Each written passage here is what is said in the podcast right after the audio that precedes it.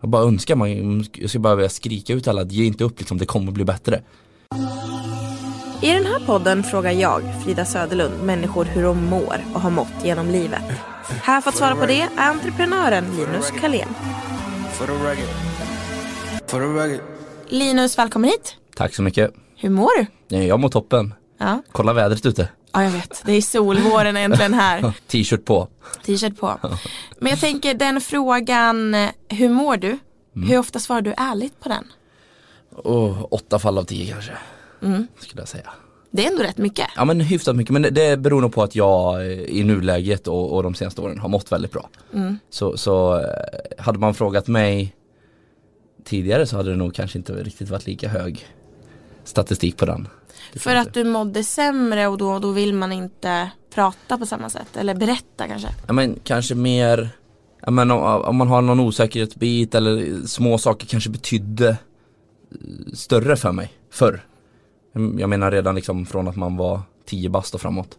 Eh, och då, men jag tror att man till stor del som svensk är uppfostrad att svara Ja men det är bra. Det, det är ju det, alltså Mm. Ja, det, det är också det enda svaret folk förväntar sig. Ja, bara, när någon frågar mig, det är inte så att jag bara, ja men hur är läget Linus? Ja, det är så jävla dåligt alltså. Jag, jag, är, jag är halvt döende på grund av att jag mår piss. Det, det, det krävs nog att det är rätt person som frågar hur jag mår för att man ska svara det. ja. Det är väl därför det ligger på 8 av 10 kanske. det är nästan också en hälsningsfras mer. Så här, hur Ja, det mår du?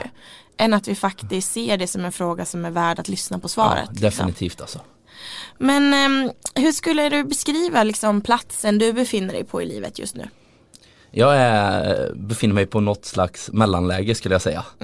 Det, jag fyller 30 år. Mm. Har du kris? Nej, verkligen Nej. inte. Utan snarare så här att shit vad grejer jag har hunnit fram till att jag var 30. Jag har verkligen förvaltat mina år på bästa sätt. Eh, vilket känns skitbra alltså. Ja. Och plus att ja, men, jag tycker ändå att när man gör mycket och, och när man är med om mycket så känns det också som att även fast tiden går fort så känns det som att jag får, får valuta för tiden. Vilket jag tycker är jätteviktigt. Så nej, ingen, ingen, Ingen kris, kris. än så länge. Jag har eh, cirka en och en halv månad kvar så Ja. det kanske hinner komma. Vi, vi hoppas inte det, eller det, ja. Vem vet, det kanske, vissa kanske gillar att krisa. Ja, det kan, know. ja, det kan vara så också. Eller, eller, ja, Men det beror nog på hur, hur hårt krisen slår och vad utfallet av krisen blir. Mm. Men eh, för min del, eh, jag blev pappa förra året. Det känns faktiskt väldigt skönt med så här, ja men jag fick vinst, eller vi fick vinst på Ja. rätt sida av 30. För, för mig så känns det som att jag, jag träffar perfekt vart jag, vart jag hittar liksom, ja men jag har ändå hunnit bygga upp mognad, man har kommit lite längre liksom i yrkeslivet och allt sånt. Jag tycker att det här när jag, jag var 29, nästan exakt, det var perfekt för mig. Och det, det är svårt att säga i förhand, det kan jag lova. Då är det så här, uff, man står och duschar och så tänker man, shit är det för tidigt för det här? Eh, eh, eh, kommer det påverka mitt liv jättemycket? Vad kommer jag behöva dra in på nu? Men eh, sanningen är att det, det har bara blivit bättre. Alltså det är som att addera värde till något som redan var värdefullt. Ja men hur upplever du papparollen? Ja men den är helt fantastisk. Alltså det är så mycket glädje. Eh, finns självklart viss frustration också. Det är så här, han har ju inte han förstår ju inte språket och sånt än så han, han kanske inte fattar när jag tycker att han inte ska vara och rycka i sladdar och sånt men eh, man får, man får välja sina strider vart man behöver visa sig att det här är inte okej, här får du inte vara och, och när man bara let it go, det är så här, hela den biten. Så, nej men det, det var som att från sekunden han kom som att man fick en ny bästa kompis. Och det, ja. man gillar ju en bästa kompis. Alltså ja, det jo här- det gör man ju, verkligen. så det, det var en fantastisk känsla med att Först han kom liksom var liten, sov mest hela den biten men Jag har ändå försökt att vara ja, men Jag lyssnar mycket på förhand, det var så bara, ah, men pappans roll första halvåret, året, det, då är det mamman som gäller Men jag vill inte riktigt köpa de argumenten utan jag ville så här, ja men det är ju blöjbyten då, det är ju kanske att, att, att bära och vagga lite på natten. och. Varför skulle inte jag kunna hjälpa till med det? Jag ja, fattar, Nej, exakt. jag förstod det från, på förhand att så här, det där är bullshit. Det där ska jag, den där normen, det är det första jag ska bryta. Men hur ser du då på hela den här grejen av att du har ju fått en son. Mm. Att han eh, då ska växa upp som, som kille i den här världen vi har nu. Ja men eh, livrädd.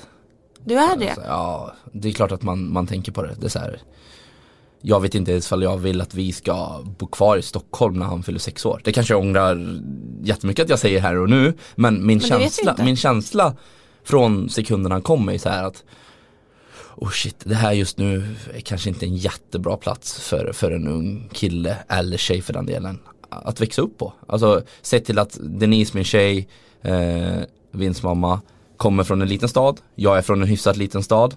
Det blir ju någon slags krock på det, just citykulturellt eller hur man nu ska beskriva det. Vilket gör att jag faktiskt, ja men det är klart jag tänker på det. Jag har svårt att förstå och ta in idag att den här lilla 10 månaders bebisen en dag ska bli 15 och kanske önska sig en moppe. Det är för mig helt omöjligt. ja, men det var lika omöjligt när han kom att man skulle fatta att han ska, han ska ställa sig upp en vacker dag och det, det gör han ju nu mot grejer och sånt. Så, och när man kollar tillbaka på bilder då känns det inte riktigt som samma person. Utan det är sån kraftig utveckling hela tiden på, på alla sinnen och så vidare att man typ glömmer av det. Så jag, jag är rädd för den frågan. Jag, jag är rädd för hur, hur det kommer vara när han är, fyller 15, 16, 17, 18 också för den delen. Eh, Vilka delar är det som gör dig lite skrämd liksom? Men dels så tycker jag ju att både klimatet ute på stan är lite annorlunda. Det, det, det fanns ju inte vapen och sånt där, där jag kommer ifrån och det är inte så jättelänge sedan ändå. Jag är inte, jag är inte 150 år. Nej det är du inte. Eh, dels den grejen ute på stan. Jag tycker Alltså man ser att det florerar mer droger, det är mer vapen, det är mycket ky, folk är kyligare mot varandra i, överlag tycker jag. Eh, vilket jag tror också är en biprodukt av att, att saker och ting som har hänt med eh, allt det senaste. Och mm. Oavsett om det är ett väpnat rån mot en närlivsbutik eller om det är en, ett våldtäktsförsök så mm. tror jag sådana saker påverkar hur människor beter sig mot varandra i omgivningen. Så jag tror att det, det börjar ju med att man måste få stopp på det allra grövsta. Jag tror man får börja från två håll. På det allra grövsta men också på de små sakerna att våga prata om det. Mm. Kommunikation, våga vara tydlig. Jag ser ju min roll som pappa kommer bli jätteviktig i det här. Alltså, men man pratar ju mycket om också när det gäller killar och, och psykisk ohälsa att det tar sig uttryck i sådana där saker. Det är våld, mm. det är droger, det är att agera ut på olika sätt och sådär och det är ju klart att man inte vill hamna där Nej. som förälder eller ens själv. Nej, verkligen liksom. inte alltså.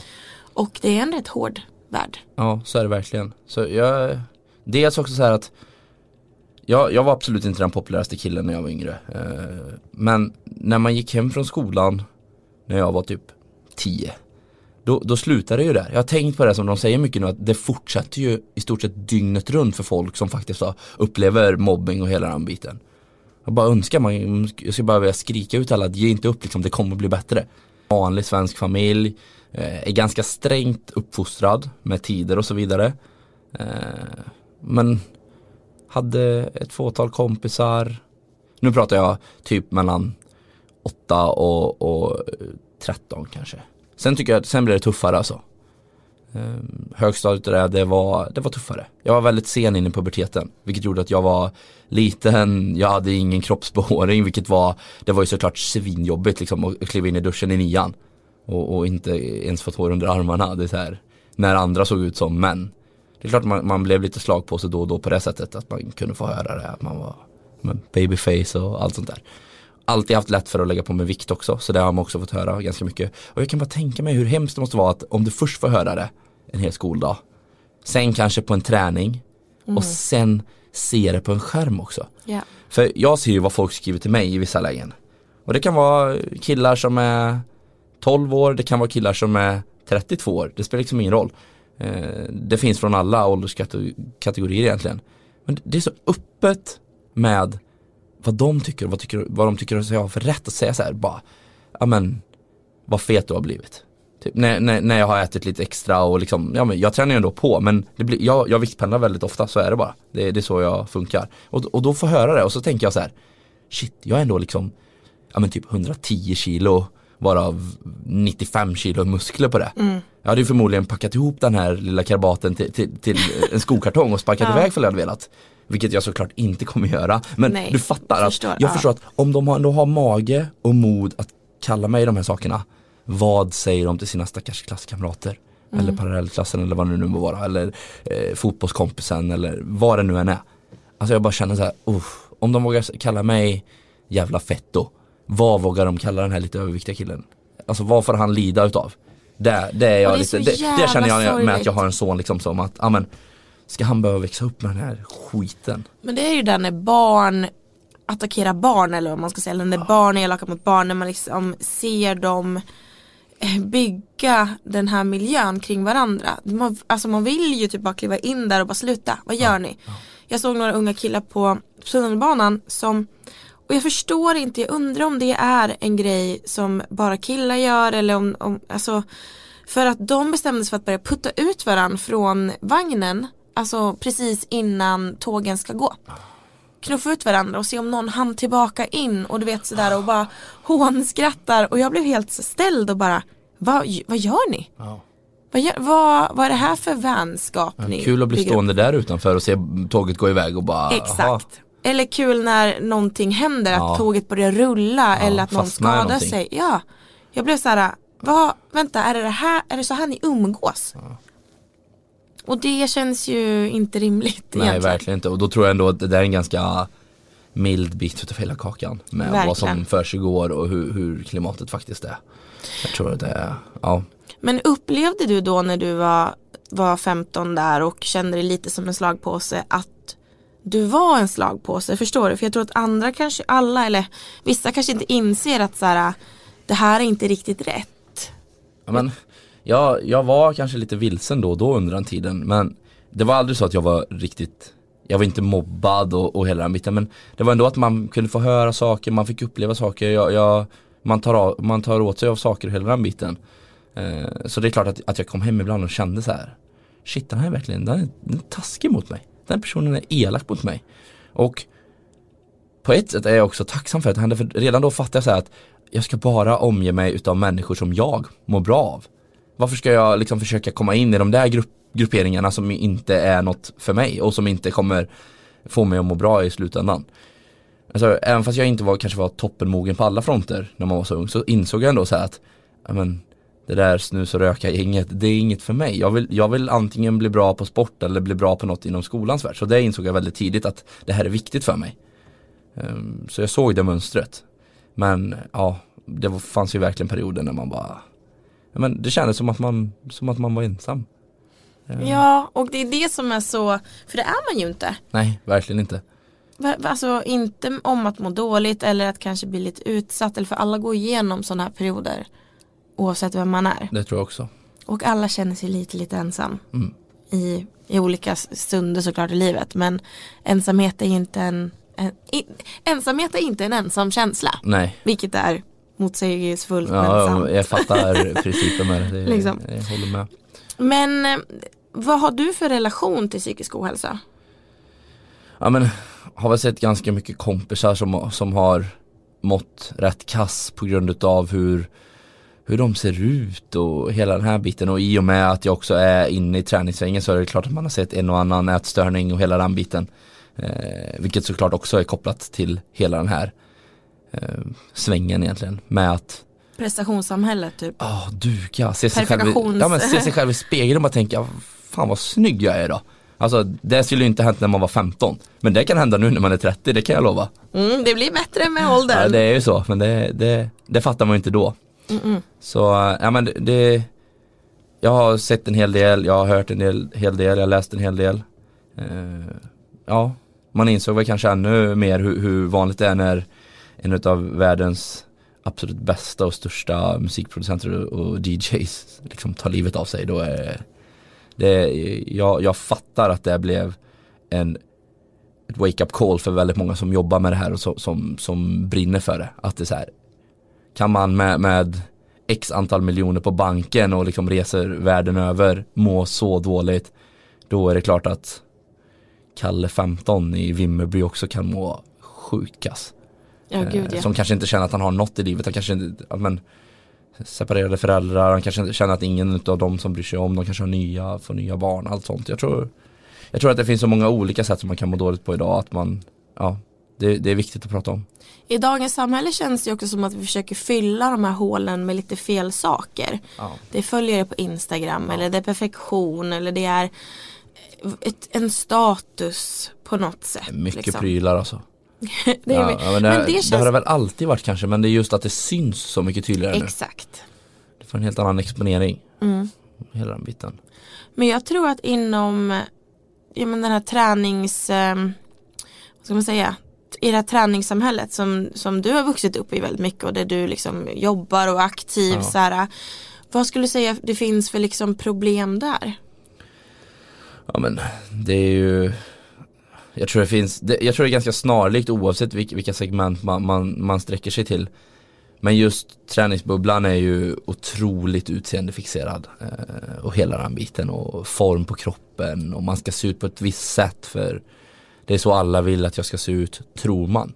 Mm. Och, men där är det faktiskt oftast Där är det oftare att tjejerna faktiskt trillar dit och hamnar i, i, i någon slags ja, men, depression, snedstreck, eh, ätstörning. För att de tror att det här är vad som förväntas av mig.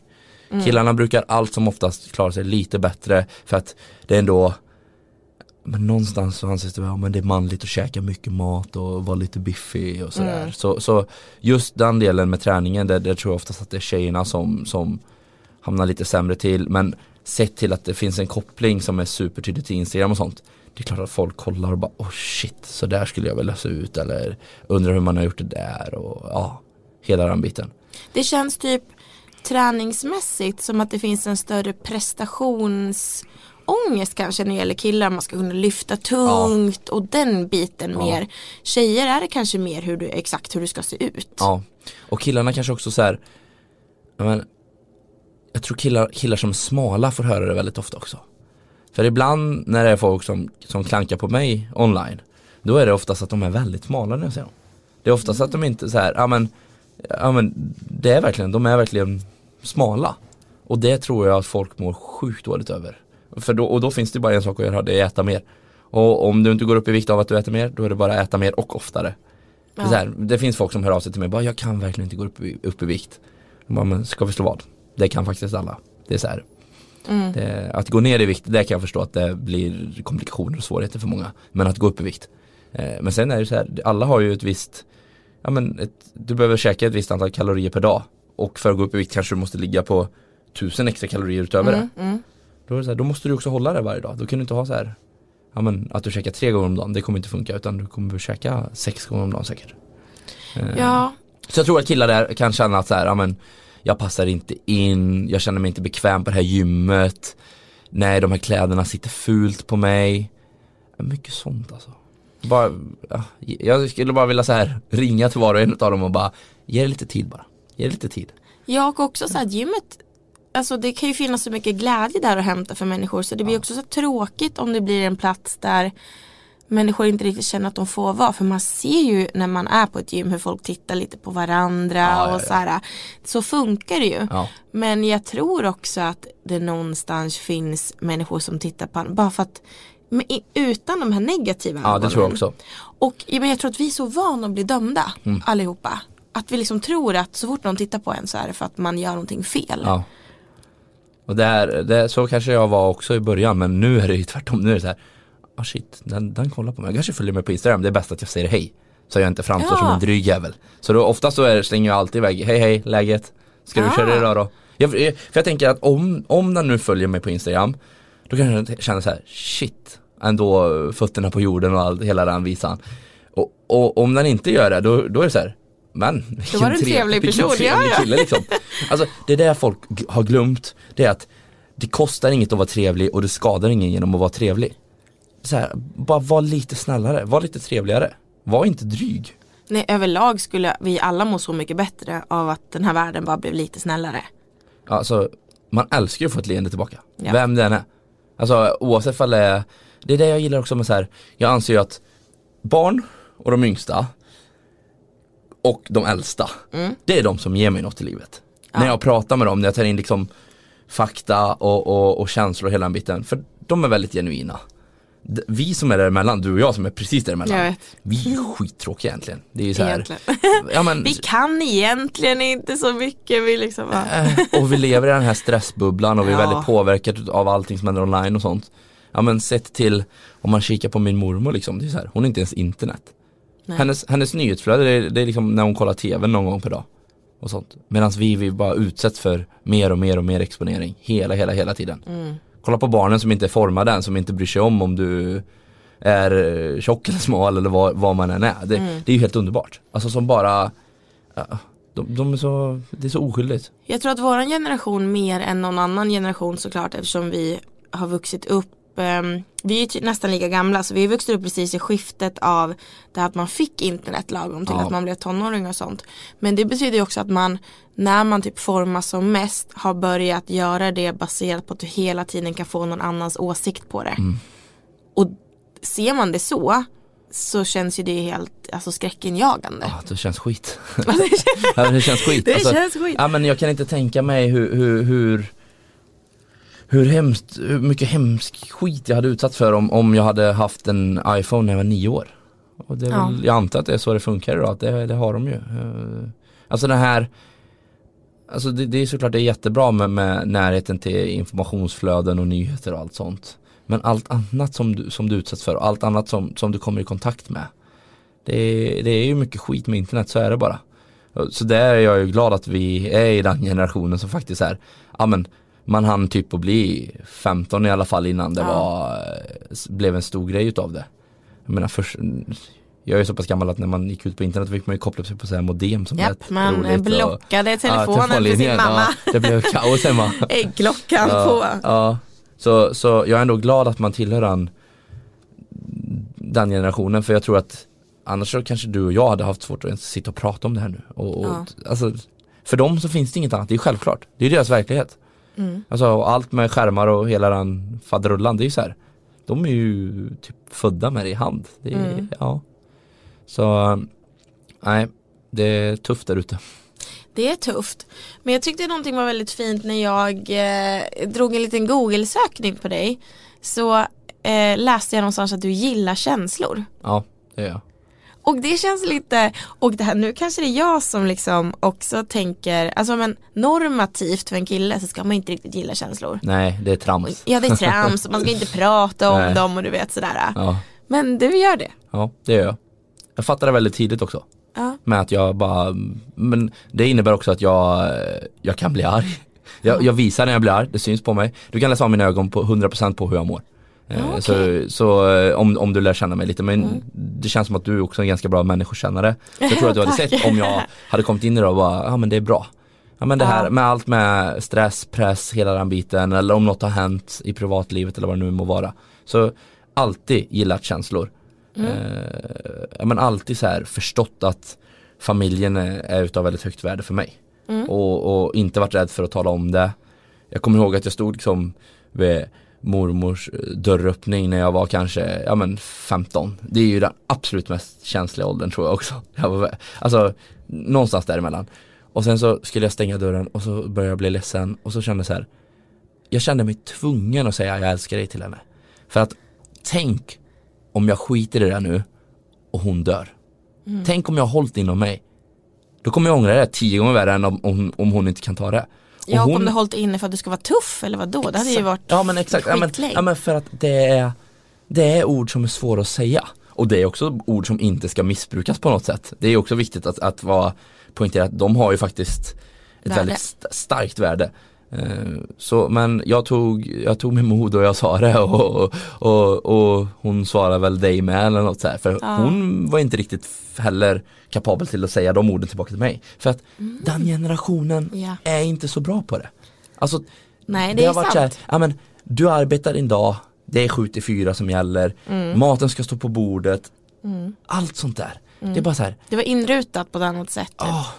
Och när jag pratar med mamma och pappa, bara, men hur kände ni, vad hade ni för mål när ni var unga? Så bara, nej men, nej, jag vet inte. Jag bara, mamma du måste ha haft någon målsättning i livet. Så bara, ja, men att, att få fortsätta bo nära min egen mamma, bra. Det har med känsla att göra, fint. Alltså jag ville bara ha ut något ifrån den här, för jag, det här frågade jag när jag kanske var 20 Ja. och hade börjat plugga och sånt. Bara så här, man bara kände så här, "Va- vad vill jag göra i livet? Vad, vad kommer vara viktigt för mig? Vad vill jag uppfylla? Då var jag tvungen att fråga. Men i övrigt så känns det som att, nej men på den tiden man skulle bara vara nöjd för att man fick ett jobb och sen vad det var för jobb, det spelar ingen större roll. Du har ju ett jobb, det ska du vara glad för. Medan vi är så här, det här vill jag jobba med. Annars kan det kvitta, annars kan jag Ja. Annars, annars skiter jag i det som jag gör nu. Bara hitta på något annat. Så det här med att gilla känslor Det har ju faktiskt till och med styrt mig från att jag, jag Jag har haft ett bankjobb en gång Mm. Eller jag har haft två olika i alla fall Eh, och sen skulle jag få en förlängning och skriva Mm. kontrakt. Och när vi satt där och skulle skriva kontraktet och liksom boka tid och det. Då sa jag bara, nej jag, jag vill inte göra det här längre. Det känns inte rätt för mig. Känslan. Alltså strategiskt hade det varit såhär bara, ja, hade fått bättre bolån och hela den här faderullan och bättre lön och jättebra arbetstider, fina Ja. förmåner. All, hela paketet var ju där. Kopplat till min utbildning också för den delen. Men i mitt hjärta och min mage så skrek det bara nej. Och det här är inte vad du ska göra nu. Det här är inte vad du ska sätta din tid på. Jag hade typ frågat här, hur lång tid tar det innan jag kan få jobba med det här internt då? Att uh, klättra uppåt. Ja men du behöver nog sitta med det här i två år först. Då kände jag så här, shit. Nej. Där dödade ni min vibe. Där, alltså det var verkligen kill the vibe moment. Att jag, ja. Så jag, jag gick därifrån. Alla blev helt förundrade. De bara, vad ska du göra nu då?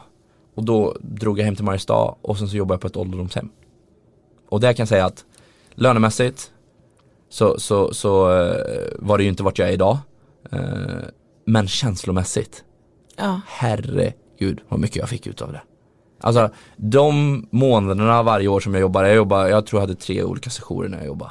Mm. Att komma hem till någon som vill behöver hjälp med att göra frukostar och så och se tacksamheten i ögonen och få det här tacket och, det, och våga prata, bara sitta ner och prata. Det tror jag har gett mig, alltså min personliga utveckling under de tiderna, jag tror att det sköt fram ett halvår blev som tre år. I ah, hur, hur jag förstod vad som var viktigt för mig och att, ja men, jag, jag är ju bara här en, en, en viss tid på, på, på den här jorden. Då gäller det att jag mår så bra som möjligt under den tiden. Och då ska jag göra det jag mår bra av. Och det var inte att sitta på en bank, det var definitivt mycket mer att göra det här och jobba med äldre och det. Det finns så mycket roliga historier vi kan dra från det här så det är helt eh, Men alltså det här är så fint och så spännande tycker jag för att på något sätt om man ska kolla på hur strukturerna ser ut i samhället och den här normen kring hur, hur man ska vara en, en man Mm. verkligen. Då gick ju du typ emot allting genom att ett, eh, känna massa saker och lyssna på de känslorna och typ dumpa det här som, där det står skrivet framgång Mm. liksom för någonting som vissa kanske till och med ser ner på eller kanske är mer för kvinnor. Mm. Ja. De kan ta hand om människor och du Ja. vet så här och det är ju jävligt eh, inspirerande och fint och så här coolt att du gjorde den resan. Jag är Som stolt för att jag gjorde det. Ja Det för så många bra. kanske är så här du gjorde vad? Ja. Alltså du ska bara veta Men det så här det, bara, du får en high five för det mig här. Bam. Så. Ja, men det var på den nivån att säga bara, men shit, du har ju pluggat fem år till civilekonom. Ja. Du måste ju ha jättehöga studieskulder, hur kan du välja att jobba med det här? För att jag mår bra av det. Mm. Men med det svaret, det, det finns ju ingen motfråga på det. Vad ska den personen säga? Bara, men, men, det, Men må dåligt istället. Ja, det är ju. Ja, sinnes. ja. Så det var, b- bästa beslutet i livet, typ. Topp tre i alla fall. Det finns, det finns, det finns bara, många bra men Jag har en familj också, just Ja, jo, jo. Ja men sett till den tiden så Ja, var det i alla fattar. fall definitivt det bästa. För det jag kunde göra också var så att jag fick tid att fokusera på min träning. Mm. För jag tog en 70% anställning så det var vissa dagar som jag jobbade 7 till 1. Det var ju dröm. När jag Mm. gick från jobbet då kunde jag släppa allt helt och åka och träna. Det är svårare idag det kan jag lova. Ja men det förstår jag, men tio månader så Ja. och sådär. Ja, Men och ett eh, väldigt annat eh, typ av jobb verkligen. Men samtidigt det rätt i magen formatet antar jag. att man träffar människor. Ja. Jag, jag fattar det att det är viktigt för mig att jobba mot och med människor. Mm, Eh, och på vilket sätt det görs. Det, är- det är inte så jätteviktigt. Men jag fattar det där och då. Att så här, jag mår ju bra av det här. Mm. Jag gillar unga och jag gillar äldre. Så är det bara. Ni andra, ni andra kan dra åt helvete. Nej, är men, men det är sanning. Alltså det är Ja. så här, ja. Att höra vad som finns i ett barns huvud liksom, på, så här, när fantasierna och sånt börjar komma och allt det. Det är ju underbart. Och att höra erfarenhet från äldre. Ja. Hur var det för? Ja, men liksom, hur många statsministrar har du hunnit beta av? Ja. Men tror att det, det kan också vara den här oängsligheten som finns i ett barn för att ett barn har eh, de bryr sig liksom Nej. inte för de vill bara att världen ska vara färgsprakande och magisk. Och när man har blivit äldre så har man ju så mycket erfarenhet att man typ slutar bry sig om vad alla andra tycker så att Ja. man blir oängslig. Alltså vi är ju de ängsligaste Ja, i världen. så är det ju. Med Definitivt. våra Instagramkonton Ja, och allt vad det är liksom. Och, och om barnen har noll filter så är vi tio filter. Ja men gud så här.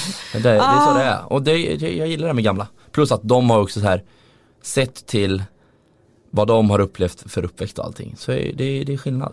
Alltså förstå själv hur mycket som har hänt. Från att du behövde gå på, bjuda ut någon på dansbana för att få till en dejt till att sitta, ligga och swipa på en skärm på, på, på någon app. Fy. Det är så här, fatta, fatta att det var, det var mer genuint förr och därför Ja. är det viktigt att hålla i de få genuina elementen vi har kvar idag. Mm. Superviktigt. Och därför så förtjänar folk också att må bra. Ja, ja, verkligen. Eh, Jag tror inte folk har mått så dåligt förr som, som, som vi gör nu. Eh, Om Nej. man får prata liksom generellt. Nej, alltså statistiken säger ju att eh, unga mår sämre än Ja. någonsin Hemskt alltså. idag. Och det är klart att det får, gör ju att man får ont i magen liksom Ja. framåt. Botox Cosmetic, out of botulinum toxin A, FDA approved for over 20 years. So, talk to your specialist to see if Botox Cosmetic is right for you. For full prescribing information, including boxed warning, visit BotoxCosmetic.com or call 877-351-0300. Remember to ask for Botox Cosmetic by name. To see for yourself and learn more, visit BotoxCosmetic.com. That's BotoxCosmetic.com. och så. Men jag tänkte på det du sa att, ja men vi pratar ju precis om det nu att du tycker om känslor och sådär. Har du alltid kunnat hantera alla känslor? Nej, verkligen inte. Nej. nej, men nej alltså, jag är tokrak nu. Nej. Eh, nej, alltså eh, dusterna mellan mig, mamma och pappa under eh, sen ton, sena tonåren ska jag säga.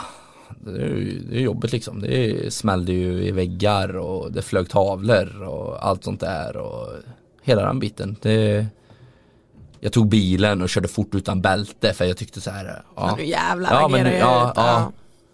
hela den biten. Skiter det sig så skiter det sig men det skiter väl ni ja men typ Ja, så. Eh, så. Men det var nog också för att jag inte riktigt visste min plats. Jag, jag visste inte att jag behövde prata och visa så mycket känslor som, som jag gjorde. Eh, jag har mycket kompisar som är så här, men om de träffar tjejer eller, eller vad det nu är så, så de övertänker situationerna så mycket. Så bara sluta tänk, börja känn. För det, blir, Ah, det, det är en bra grej. Vi tänker så mycket idag. För det Ja, är så ja, mycket gud, ja. som syns så här, bara men det måste vara på ett visst sätt och hela den biten. Det är så här, det kommer aldrig bli som du tänkte ändå. Alltså aldrig, Nej, det är alltid det är någonting det. som kommer in en parameter och ställer till det och, och det blir annorlunda. Och ibland blir det bättre, ibland blir det sämre. Så är det bara. Eh, Jag menar, jag hade ju inte en aning om att, att när jag var 20 att jag skulle bli pappa när jag var 29. Nej. Men så blev det och det blev bättre. Men det bästa med livet också är ju att vi kan inte styra allt. Vi kan styra en del, men vi kan ju inte styra allt. Så vi, vi kan ju inte se in i framtiden fullt, fullt ut liksom. Och det tycker jag man ska njuta lite av, att- man inte sitter där med ett facit för det vore så jävla tråkigt. Ja, det var riktigt tråkigt. Ja men tänk själv såhär, bara, du vet exakt hur gammal du ska bli och du vet exakt vad du ska göra. Ja, nej men gud. Alltså nej, du nej, vet nej. exakt, du vet till och med hur många barnbarn du kommer få, du, inte ens det blir något spännande. Nej. Så, så jag, jag tycker man ska Alltså folk behöver bli både snällare mot varandra men också mot sig själva och sen så bara Lev lite, lev.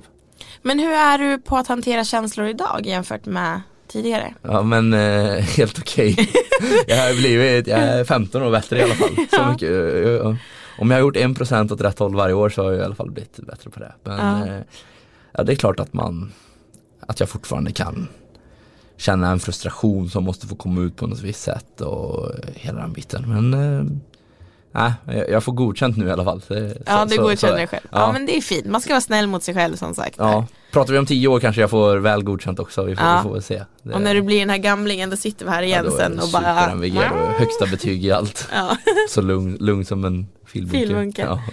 Men- Hur skulle du säga att eh, din eh, träning liksom har påverkat ditt känsloliv? men jag tror att träningen blev ett sätt för mig att uttrycka sig och framförallt då när det kommer till i det jag håller på med, jag, jag har ju tävlat i, i classic bodybuilding 12 gånger eh, och i det så är det ju en poseringsakt som är en minut. Ah, Tar du dig till final, är du bland de sex bästa Ja. i ditt startfält, då tar du dig till final. Ja. Då har du en minuts fri posering.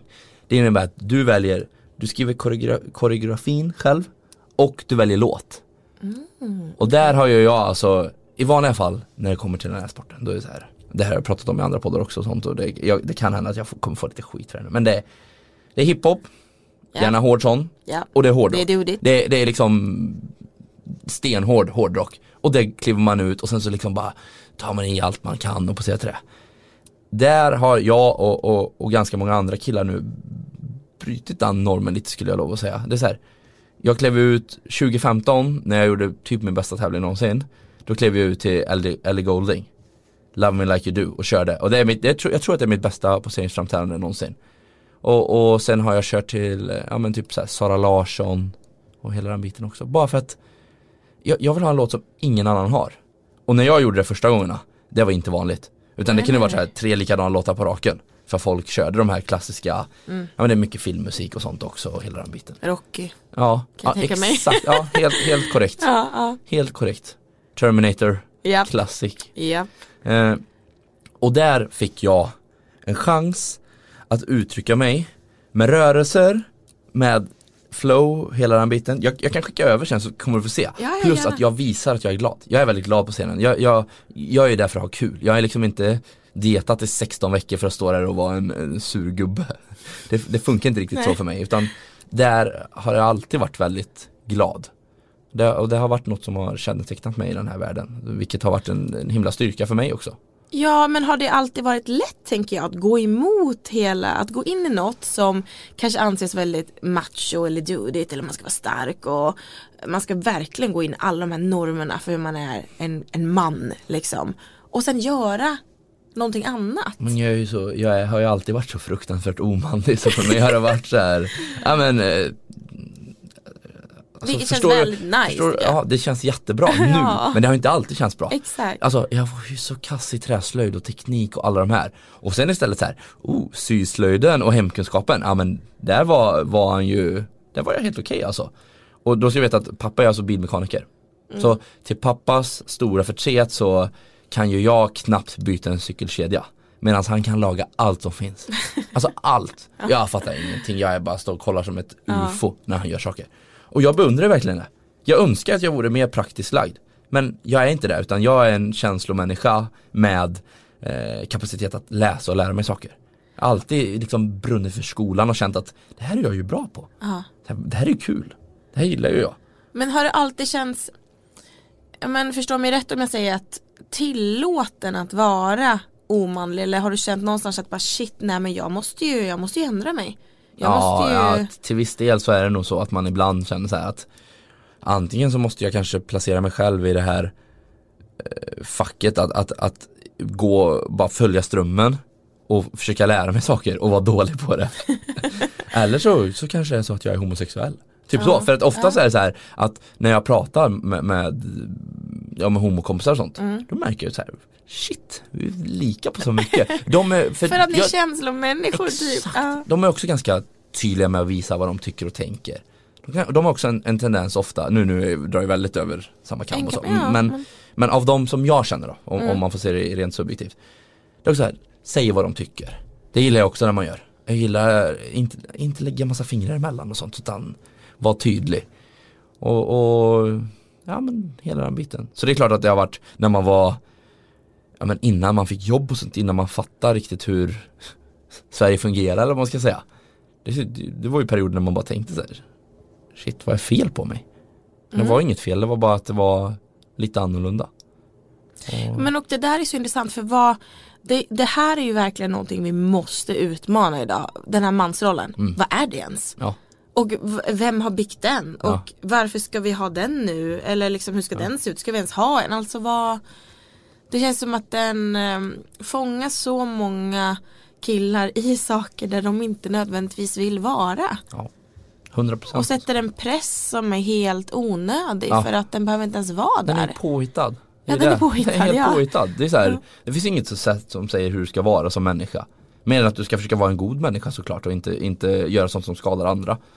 Eh, jag tycker det är, det är superviktigt att ta upp och prata om och också förklara att jag har suttit i den sitsen när man har känt så här att Ja men jag har ju varit i det läget när jag har känt att jag är inte bra på någonting. Jag är inte bra på någonting i livet. Det var ju bara det att jag var ju visst bra på saker men jag hade inte kommit fram till vad det var jag var bra på än. Så eh, jag tror inte man ska stressa så mycket utan jag tror man, det kommer. Eh, man hittar sina vägar, man förstår vad man eh, är bra på. Ja. Hur kände du att du hittade din väg? ja men jag tror att alla dessa lagsporter som jag har hållit på med, de har varit väldigt bra för mig rent gr gruppdynamiskt sett. Jag, jag har lärt mig hur människor fungerar, jag har lärt mig att anpassa mig till gruppen, jag har också lärt mig att ta plats i grupp, vilket jag tycker är jätteviktigt. Men när jag väl hittade in till gymmet och, och tecknade mitt första gymkort, då var det så här, det blev ett helt annat ansvar på mig själv. Det var inga fasta träningstider och sånt längre utan där fick jag jobba på min kroppsliga utveckling samtidigt som jag kände att jag stimulerade min personliga utveckling med att jag, jag pluggar vid sidan om och sen så tränar jag. Det, det var typ det jag gjorde på min tid. Det var så här, jag vaknade, plugga, träna och så sov jag. Och så bara repeatade jag det. Och när de andra stack iväg och körde K-relaterade uppgifter och allt sånt då, då, då drog jag och träna. Du kommer aldrig få ett jobb Linus, sa de då. Jag har alltid, jag har alltid fått höra att saker och ting inte ska gå heller. Och det är ganska skönt att våga, ja, men, våga sätta sig och bara sträcka på sig och bara så här, ja men nu ska jag baska mig visa att det visst går. Det, jag tycker det är viktigt, alltså här, Vilka var det som sa att det inte skulle gå? nej men det var ju klasskompisar och sånt också. Alltså, Och vad baserade de det på? jag vet inte. Att stora företag hade sagt att det här lägger vi extra stor vikt på, bla bla bla. Men jag har aldrig, alltså Och det från var bara jag, saker du inte var intresserad av liksom. exakt, exakt. Ja. Och ofta eh, sjukt mycket som var alkoholrelaterat också. Vilket jag, jag, jag är absolut inte jag är inte nykterist men jag har inte druckit en droppe på nästan två år nu. Eh, så får vi se, det kanske blir något i sommar när man fyller 30 och sånt. Det ska jag inte, alltså jag är inte nykterist men jag är väldigt selektiv med mina tillfällen. Ja. Eh, vilket jag var redan då i och med att jag hade hittat in på träningen. Jag läste ju att alkohol och träning gick inte hand i hand då fattar ju Linus 20 år att okej, då kan jag inte supa varje helg och förvänta mig att få resultat från något som jag lägger 12 timmar i veckan på.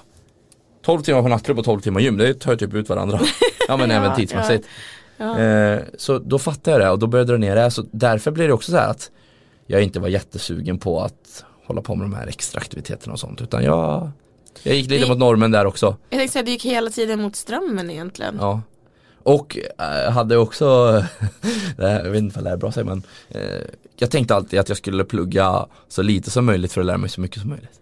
Jag tänkte alltid, jag tänkte aldrig att så här, jag måste ha högsta betyg i allt. Jag hade aldrig, jag satte aldrig den prestations eh, De prestationskraven satte jag aldrig på mig själv. Utan jag tänkte så här Det viktiga är att jag klarar av det. Får jag godkänt i alla ämnen, då kommer jag få en examen, då löser vi det sen. För jag vet att jag har en stark personlighet. Sätt mig på en intervju så ska jag blåsa omkull stolen på andra sidan. Det, det var på den nivån. För att jag ville ju träna. Jag ville ju göra annat. Jag ville ju läsa om kost och hela den här biten och tyckte att det var jätteintressant också.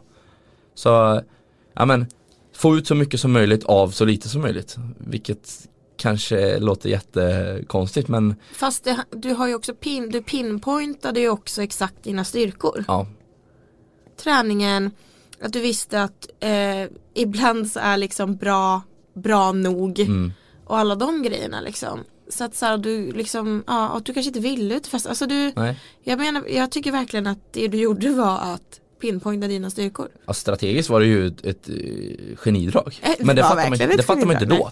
Det tänker man inte när man ligger liksom på bänkpressen och bara åh. Det är klart, och jag fattar också folk som sa så här att men hur ska du någonsin kunna jobba? Du gör ju inget annat än träna, tyckte de. För att det var ju det som såg ut som.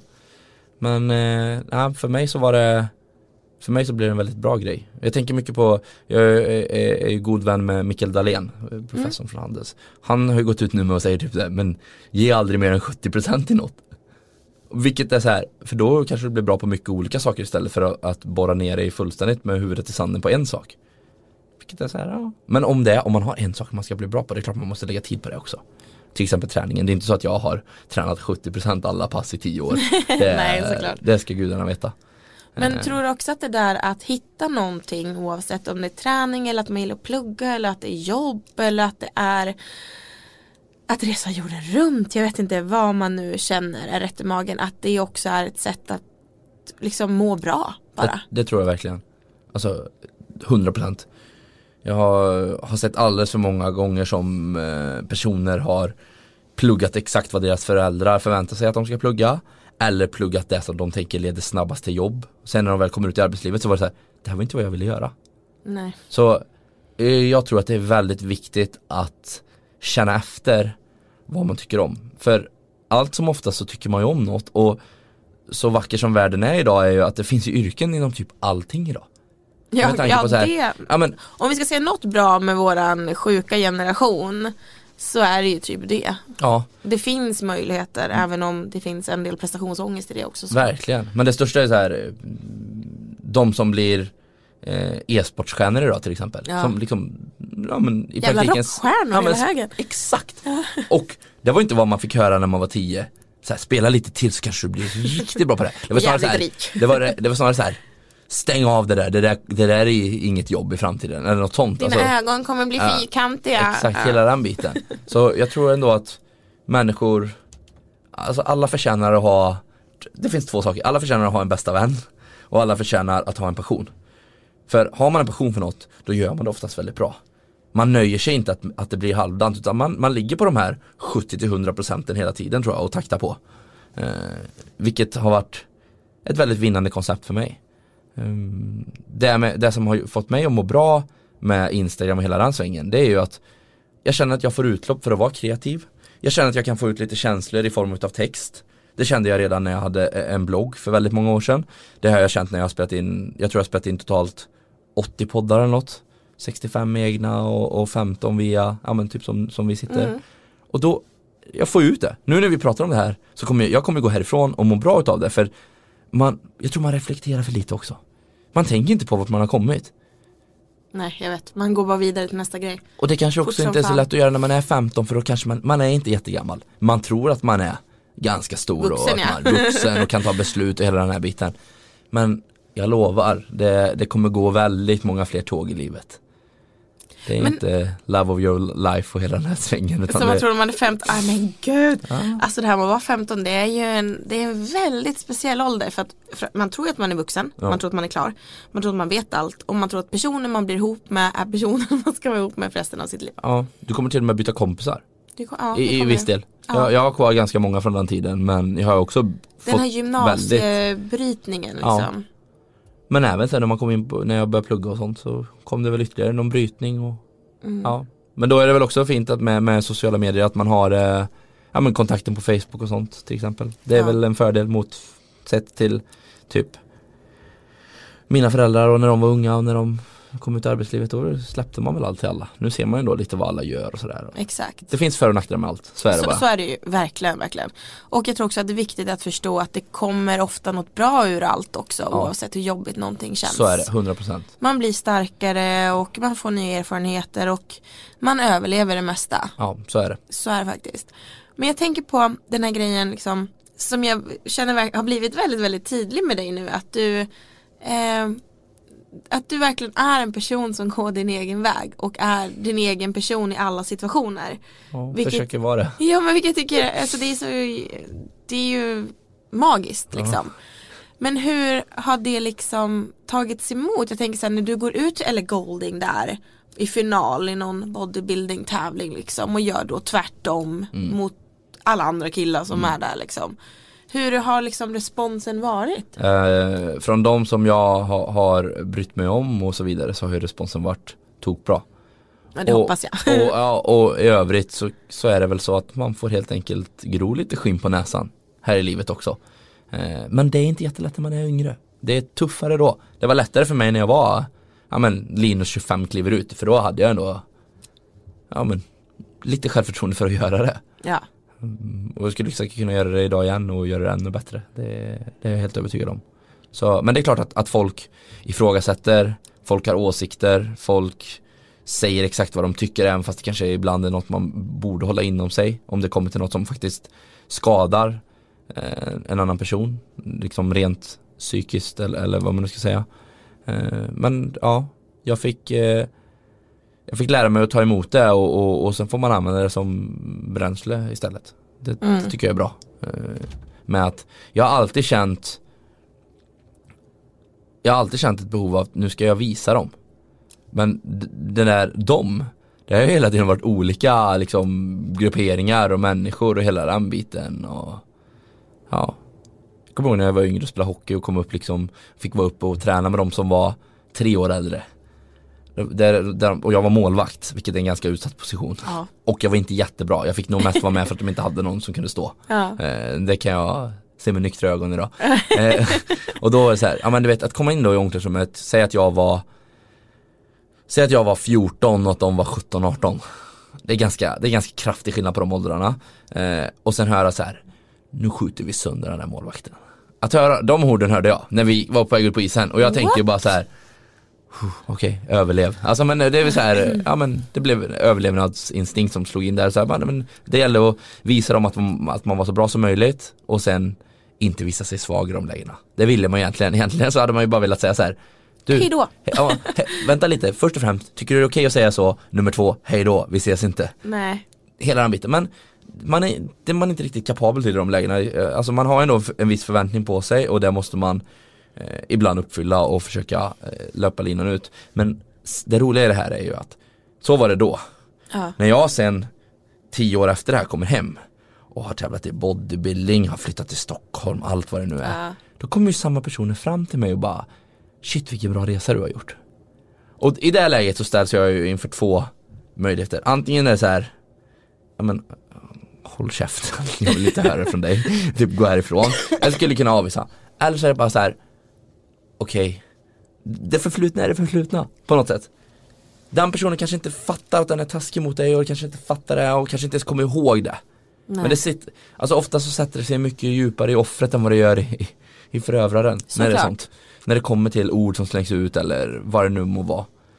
Och då får man ju gå tillbaka till, vad mår jag bäst av nu? Ja. Att säga hej då? Ja, Eller att tack säga tack så mycket? Så det blev ett tack så mycket i det läget och kul att se dig, hoppas allt är bra med familjen eller vad det nu Mm. var, eh, hela den biten. Så det är ändå sådana historier som jag ändå känner så här, men jag, jag gick min egna väg, jag fortsätter gå min egna väg. Eh, ja, gör en grej bara. Hur det är ditt liv. Var dig själv, alla Ja. andra är redan upptagna. Exakt, alltså det må låta klyschigt det citatet men det är ju också Det är för att det är sant. Ja, 100 procent. Men hur hanterar du motgångar idag eller olika saker som liksom blir tuffa? Mm, prata kanske ännu mer om det än vad, vad jag gjorde då. Jag har alltid varit väldigt mycket för att prata med min mamma, varit öppen. Jag och min brorsa är ganska olika på det. Det är så här, hon kan få reda och, och, på saker från mig om honom. För Ja. han har inte sagt det själv. Och han bor ändå närmre mina föräldrar nu än vad, än vad jag gör. Men alltid, alltid våga prata med det och veta exakt vilka du har som du kan prata med. Och där har, har man ju lite olika. Vissa är ju, vissa kompisar man har är ju mer eh, kapabla att förstå när man pratar jobbrelaterat. Medan andra sitter kanske i samma familjesituation med en nyföding. Då kanske det blir, om det är något sånt som, som spelar in, då kanske man pratar med den personen. Jag tror väldigt mycket på kommunikation och, och dialog. Inte stänga inne. Jag tror inte man mår alls mår bra av att stänga inne. Jag tror att det bara bygger upp långsiktigt fördärv. Mest för en själv, men också för folk i sin närhet. Hur får vi killar att börja prata då? För Ja. att det känns ju inte som att det kommer så naturligt liksom. Nej men kanske vara tydlig med att det finns killar som redan pratar. Alltså jag tror kanske man, man behöver ha lite eh, personer som är tidiga med det. Och, och, och visa att det är okej. Eh, Vilket jag tycker att jag har gjort i väldigt många lägen på, på Instagram och hela den biten och varit väldigt ärlig mot följarna om allting. För det ska man ju veta att det är ju Det är klart att det är en glamoriserande värld. Det är inte så att jag lägger upp en selfie nyvaken med glasögonen på tre kvart i, i ansiktet. Ja, men det, det, alltså, det tar Det tar fem sekunder att retuschera bort en finne i pannan. Det sitter jag och har här nu idag, jag är 30 bast liksom. Och det, det, det är så det funkar det. Så, så allt som du ser är inte Alltså det finns jättebra program till allt sånt där. Så tro inte på allt. Nej. Det- Det är väldigt mycket sånt också. Var, var liksom var lite nöjd med vad du har också och, och, se till att det finns en framtid och jobba hårt för den. För livet är ju, slutar förhoppningsvis inte idag utan du ska ju förhoppningsvis må bra om fem år, om tio år och så vidare. Det är sjukt viktigt att må bra under resans gång. Det är något som jag har tagit med från bodybuilding-tävlingarna också. Det är så här. Första gången som jag skulle dieta så hade jag väldigt höga förväntningar på det för de sa så här Ja men det är jobbigt, folk mår dåligt, man mår piss, man har ingen energi. Och jag kan erkänna att slutet är eh, ingen dans på rosor. Men det var så överdrivet. Jag mådde så bra. Fram tills att det var typ tre veckor kvar. Så, så eh, säg att jag dietade 18 liksom. Så 15 veckor så mådde jag bra. Och tre veckor så tyckte jag att det var lite jobbigt att gå i trappor och hela den här biten och man sov lite dåligt och allt sånt. Men i övrig tid mådde jag jättebra. Jag insåg liksom, när, när inte jag hade när jag, när jag inte kunde köpa ens den mat jag ville, då insåg jag så här Shit vad viktig familjen är för mig. Jag har gått och grinat på massa powerwalk och sånt. Ja, men för att man blir ju, jag som är känslig från början, jag blir ju ännu mer känslig när jag blir avtrubbad på det sättet att Ja. shit jag får inte ens gå in och köpa mig en, en, en kebabtallrik eller vad det nu må vara man, man vill köpa. Kanske Men en hur hanterade du det då? Jag tänker så här, ibland blir känslor som en tsunami liksom, överväldigande. Ja men Först och främst så blev det så här att jag var, jag var ledsen men jag var glad ledsen väldigt mycket på dieterna. Jag grät väldigt mycket för jag var, jag var tacksam över att jag har fått möjligheten att, att bli uppfostrad på ett bra sätt, att jag har fått möjligheten att eh, göra mycket med mina föräldrar. Eh, Man insåg det Du liksom blev inte närvarande mer i känslan Ja, liksom. väldigt Kunde du alltså. inte värja dig? Väldigt alltså. Och, och, och man insåg liksom att Shit mormor är inte 65 längre och, Men peppar peppar så är hon när vi pratar just nu fortfarande i livet eh, och mår bra Men känner väl av att hon blir äldre Så jag är väldigt glad över att ha fått den här tiden med henne. Du vet den största rädslan de senaste åren Det var när jag och Denise vänta, Vince och mormor då, ja men man vet ju aldrig vad som händer. Jag bara känner så här, bara hon får träffa honom en gång, bara hon får se att jag blir pappa. Det, det, var, det var så viktigt för mig. Och det är så många andra utav mina kompisar som också så här eh, Eller också bekanta och kompisar som bara Exakt det du fick uppleva fick jag aldrig uppleva, ta tillvara på det. Och då inser man ju så här. Det där har ju inte med någon utbildning att göra, det har inte med något Det är så mycket större än att få höra att man är ett fetto på Instagram Jag tror att människor kan hitta väldigt mycket glädje i det så Jag menar, se bara på kompisar, kompisar är det bästa som finns så Se till att ha bra kompisar Omge dig inte med folk som får dig att må skit. Och, och vara en bra kompis själv också. Superviktigt. Ja men så länge man ser livet ur rätt perspektiv eller vad man ska säga så finns det alltid en positiv väg liksom. Verkligen alltså. Även ur mörkret. Ja, Det är bara att börja gå ja. många gånger. Jag tror att det är viktigare att, att kolla efter vad som blir ljuspunkter för dig själv än att tänka, för det är ju väldigt ofta så här, svensk, det svenska idealet är ju så här, ja men gnäll inte, det är någon som har det sämre. Jo men jag, även fast någon har det sämre så kanske jag har det jävligt dåligt. Det vet ju inte du, alltså eh, Jo, det är hur jag okej. mår i det här. Ja, det är det jag menar. Men det är samtidigt också, det finns en väg ur, det finns ett sätt att må bra. Det är, allt är inte piss liksom, utan mycket kommer hända under årens gång. Du kommer utvecklas som människa och du kommer Jag tror många som är uppe i vår ålder utan att det är en jättehög siffra redan nu ser tillbaka och bara så här Men varför var jag så tuff mot mig själv? Varför var jag så hård mot mig själv? Varför tyckte jag det här för? Så är det mellan mig och Denise, det är så här Om jag går off season som det heter och käkar mycket mat och går upp ganska mycket vikt Då känner inte jag mig lika bekväm att vara med på bilder med henne. Vilket hon blev väldigt besviken på mig och bara så här, Men tänk om fem år när vi kollar tillbaka och så har vi perioder där du typ inte är med på en enda bild med mig. Vill du verkligen ha det så? För när jag väl tar bilderna och sen kollar tillbaka på det, då säger jag, ja men så farligt var det inte. Men det är den här känslan, när man är känslomänniska Så blir man väldigt Ja men man blir dragen till det att känns det dåligt så tror man att det ser dåligt ut Och där tror jag väldigt många unga hamnar också Så det handlar om att jobba med insidan och hur man mår, hur man känner sig och allt sånt Och man lär sig hantera sina känslor mer och mer ju äldre man Ja, blir också och vet var det. de kommer ifrån och, Ja. och hur man ska parera dem och sådär. Det blir liksom bättre. Och jag kan ju bara prata ur, ur, killarnas perspektiv också eller vad man ska säga. För jag kan tänka mig att tjejer med liksom hormonpåslag och allt vad det nu är i tonåren. alltså jag menar, där är ju vi ljusår ifrån om, om man säger så. Och Ja. ändå så vet jag att det kan vara ja, men så himla jobbigt. Vet, jag, kommer ihåg, jag satt Jag satt eh, Jag satt hemma på rummet och så tänkte jag bara så här. Och det var ju också, det, för jag tycker det finns olika so- sorters ensamhet. Ja, Då satt jag och tänkte så här. Shit, jag kommer vara oskuld tills jag dör. För då hade inte jag varit med en tjej än. Men det här insåg man ju också efterhand att det var ju också nonsens. Men det var, en, det var känslan jag hade då. Och det var något som jag inte mådde bra av då. Men För då att du man, känner så här, det är ingen som ska, kommer vilja vara med mig. Ja, verkligen. Och speciellt det här med att jag var väldigt sen in i, i, i puberteten och allt det. Så jag var ju väldigt så här, liten i kroppen ö, överlag. Vilket var eh, såklart något man, man fick lite komplex över då.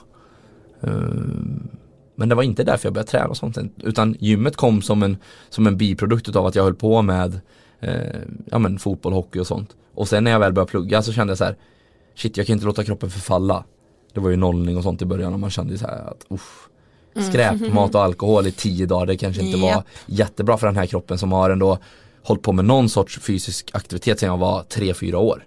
Eh, Så då eh, skaffade jag mitt första gymkort och med det kom också liksom Ja men det kom lite självförtroende, jag tyckte om att vara där och, och ta ut lite kraft Jag har alltid gillat känslan av träning efteråt. Ja. Jag älskar nog inte träning när man tränar, jag älskar nog träning vi efteråt. inte. Ja men du förstår hur, hur, Ja, jag hur jag känner med det. Det är så här, när man är klar så är man klar. Det, Mm. det, är, det är en fin grej. Det är en fin känsla att ta med sig. Men har du alltid varit bra på det att hitta de där små ljusglimtarna som du pratade om innan? Det kunde vara träningen där eller det var vän eller att vara med familjen eller att känna tacksamhet.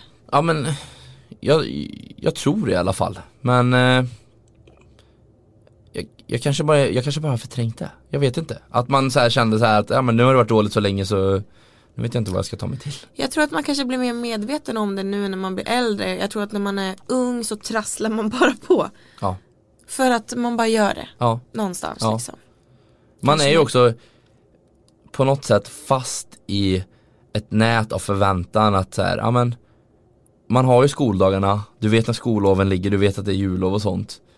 Nu när man blir vuxen då är det mer så här, ja men du får lägga ner ännu mer tid på jobb men du har också möjlighet att ta ut semester och föräldraledighet och Mm. allt sånt. Så, det finns ju sådana ljusglimtar nu i livet som kanske inte fanns då. Då var de mer Satt. fixerade, exakt. Ja. Så Mm. de, de var så satta att, att man kanske inte tänkte på att det var bra. Och jag menar om man både hade det tufft i sko- om man både hade tufft i skolan och hemma Mm. så kanske inte jullovet är det som ger dig mest ljusglimtar. Men då får Nej. du försöka hitta det som ger. Vad eh, skulle du vilja säga till han 15-åringen som var du som satt på rummet och kände sig ensam liksom? ja, men, tro på dig själv och, och, och eh, livet det kommer kännas väldigt mycket längre när du sitter och är 30 än när du är 15, 100% så, så bara håll ut lite, hitta dina intressen, börja brinna för någon slags passion. Jag, jag tror att nästan alla har en passion. Det, det ska nog mycket till för man känner så att nej, jag har verkligen inget i livet jag brinner för. Det kan ju vara allt från musik till film till eh, dataprogram eller ja, träning, Ja, gud, det finns ju hockey, vad som helst. motorsport, ja, journalistik för din del Exakt. som var Sätt dig ner och skriv. Ja, ja men det, sånt tyckte jag också om när jag var yngre Eh, Mm. Så det var inte alls satt att jag skulle sitta och jobba med det som jag gör idag utan det har bara blivit som, på resans gång så har det dykt upp möjligheter och man har tagit dem och man har sett på förbättringspotential och utvecklingspotential och allt sånt så Ja men ge inte upp Alltså det är inte, ja Det, det kommer bli bra Ja. Det blir alltid bra, alltså det, det finns så mycket som är värt att leva för Så det är dumt att slänga bort det på att må skit eh, redan i tidig ålder eller typ ännu värre med självmordstankar och sånt. Det är så här, det finns så mycket bra att leva för. Det finns alltid något som är bättre än det som är det absolut sämsta. 100% och det kommer vända. Så sant. Så sant. Alltså jag skulle kunna sitta här och prata med dig en hel dag men det får jag inte. 24 timmars podd. Bara, alla bara, ja varför inte. Kan vi ta live någon gång? Ja, Vi brukar avsluta den här podden med fem snabba frågor. oj. Känner Ja. du dig redo? Ja men eh, jag, vad- jag får göra mitt bästa nu. Bara, Känns som att det gått ganska bra så nu vill man ju inte eh, trampa snett. Okej, men när du mår dåligt, vad gör du? Eh, tränar definitivt för att det är där jag kan få omlopp för mina känslor. Eh, pratar, sover. Ja, Sova eh, är så fruktansvärt underskattat när det kommer till att få ner stressnivåer och allting. Det finns så mycket forskning på det som, som jag önskar att jag hade vetat när jag var yngre. ja det läker kroppen verkligen Ja. och psyket. Tänk att man tyckte att det var en, en bestraffning att gå och lägga sig. Tänk att man tyckte det. Ja, Det är så sjukt alltså. man hade så bråttom att leva då vet du, Ja, när man jag var yngre. När du mår dåligt, vad lyssnar du på?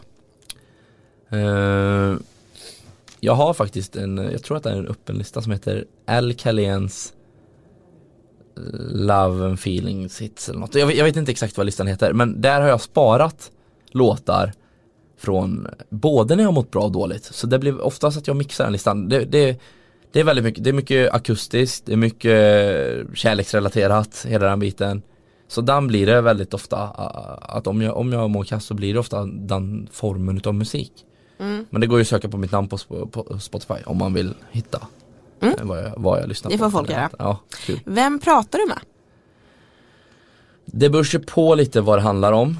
Eh, Jag har väl Ja men definitivt Denise Min mamma Min mormor om det är, är lite enklare problem skulle jag säga. Mm. Hon- Det, det, det, när generationsskillnaderna är som de är så finns inte riktigt samma förståelse för att Hon kommer ju aldrig fatta liksom, att man kan må dåligt av sociala medier. Jag tror inte jag kommer kunna ens någonsin förklara det för henne. Nej, man Eh. behöver nog ha varit här så att säga. Sen har jag ett par kompisar också som jag vet exakt vart jag har och vad de står för och hela den biten. Mm. Och, men där blir det väldigt så här kopplat till vad, vad just jag mår dåligt över. eh, Eller vad jag känner för oro eller vad det nu må vara. Ja. Så jag kopplar liksom vilken typ av problem det är till vilken person jag ringer. Eller se till att ta en fika med eller vad, vad jag nu gör. Mm. Har du ett safe place? Ja men det är väl hemma i Mariestad skulle jag säga. Och speciellt hos mormor. Har alltid blivit väldigt lugn av att vara där. Det känns som att inget annat Når den kanske? Ja men det påverkar mig inte och jag bryr mig inte om det när jag är där. Det är så här, ja, men här är jag ju trygg. Har alltid känt så.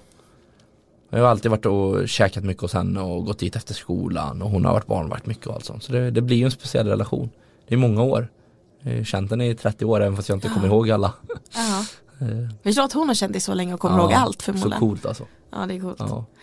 Och till den eh, killen som sitter där ute nu som kanske kämpar med något och grubblar och så, vad vill du säga till honom?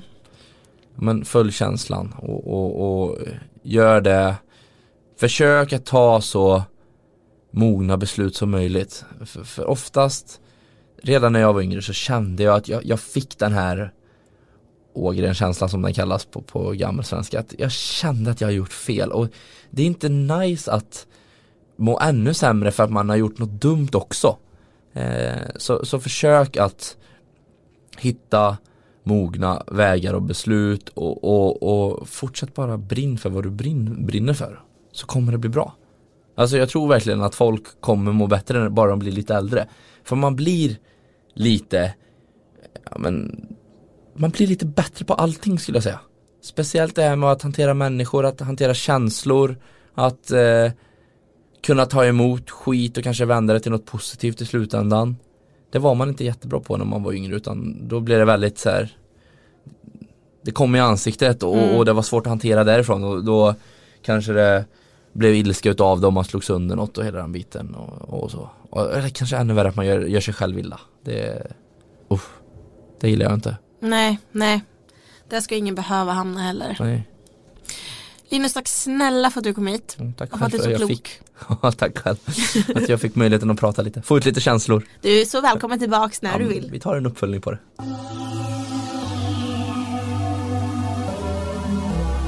For the record, for the.